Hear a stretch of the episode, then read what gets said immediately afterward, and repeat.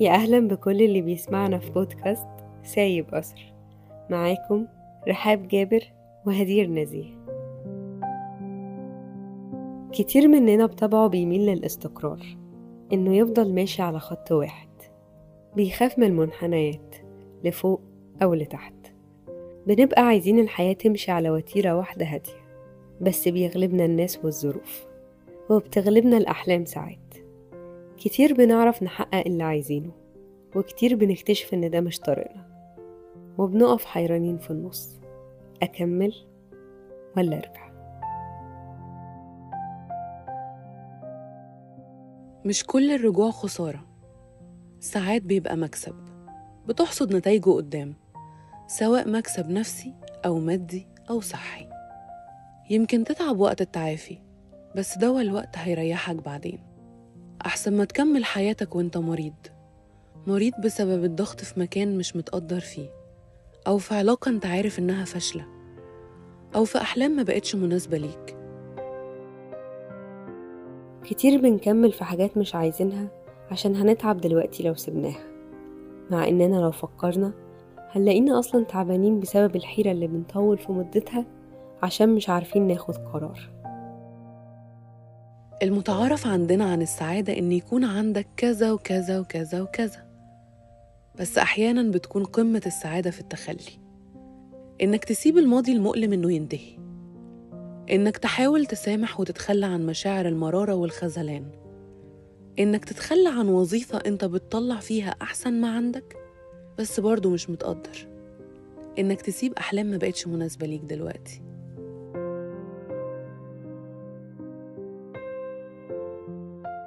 التخلي مش ضد الإخلاص. ولا عدم إحساسك بالنعمة اللي أنت فيها. التخلي هو رحلة البحث عن الراحة النفسية. التخلي بيجي بعد رحلة طويلة من العثرات والمحاولات. بعد وقت طويل استنفذت فيه طاقتك في شغل أو في علاقة أو في مشاعر لسه محبوس فيها.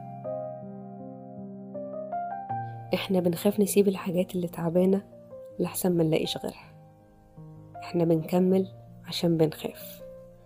بنخاف نخسر العشرة. أو نخسر فلوس أو ما نلاقيش فرصة أو بنخاف من العمر اللي باقي. التخلي عن حاجة أو وضع معين أنت فيه ما اسموش جبن أو ضعف منك بالعكس. الوقت اللي بترفض فيه حاجة مش مريحة بالنسبة لك وبتقرر تتخلى عنها هو ده الوقت اللي بتكون فعلا تحديت فيه ضعفك وجبنك. التخلي لازم يجي بعد ما تقعد كتير قوي مع نفسك. وتقيم العلاقة اللي انت فيها أو أي حاجة عايز تتخلى عنها. تقعد تكتب المميزات والعيوب. وتسأل نفسك انت مرتاح ولا مكمل كده وخلاص؟ قرار التخلي مش تهور. انت ممكن تأجل القرار لغاية ما تكون جاهز. بس مهما وقفت وأجلته هتوصله في النهاية. بس تأخيرك هيتعب نفسك أكتر. اتخلى عن المواقف اللي وجعاك ولسه بتلوم نفسك عليها أو بتلوم الناس. اتخلى عن احتياجك لحياة مثالية عشان تبقى مبسوط. اتخلى عن الأوهام والسيناريوهات اللي بتقعد تصورها لنفسك عشان تفضل حزين. وصدقني أنت قادر. الحياة مليانة فرص. وزي ما قلنا قبل كده أنت قيمتك في نفسك اللي بتقدرها. اوعى تقبل بوضع يخليك طول الوقت متوتر ومضغوط. اوعى تجبر نفسك على وضع انت مش مرتاح فيه وتحاول تأقلم نفسك عليه.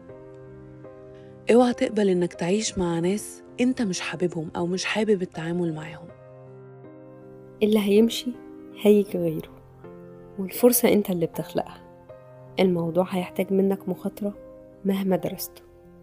الضباب هيكون كتير بس مع الوقت هتشوف الطريق.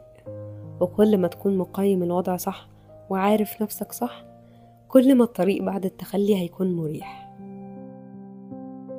حوالينا كتير تجارب لناس اتخلت عن حاجات وارتاحوا بعدها. وكم حد كان فاكر نجاته في حاجة ولما تخلى عنها اكتشف إنها كانت سبب هلاكه. إحنا ما نعرفش هنعيش قد إيه. علشان كده عيش النهاردة مرتاح.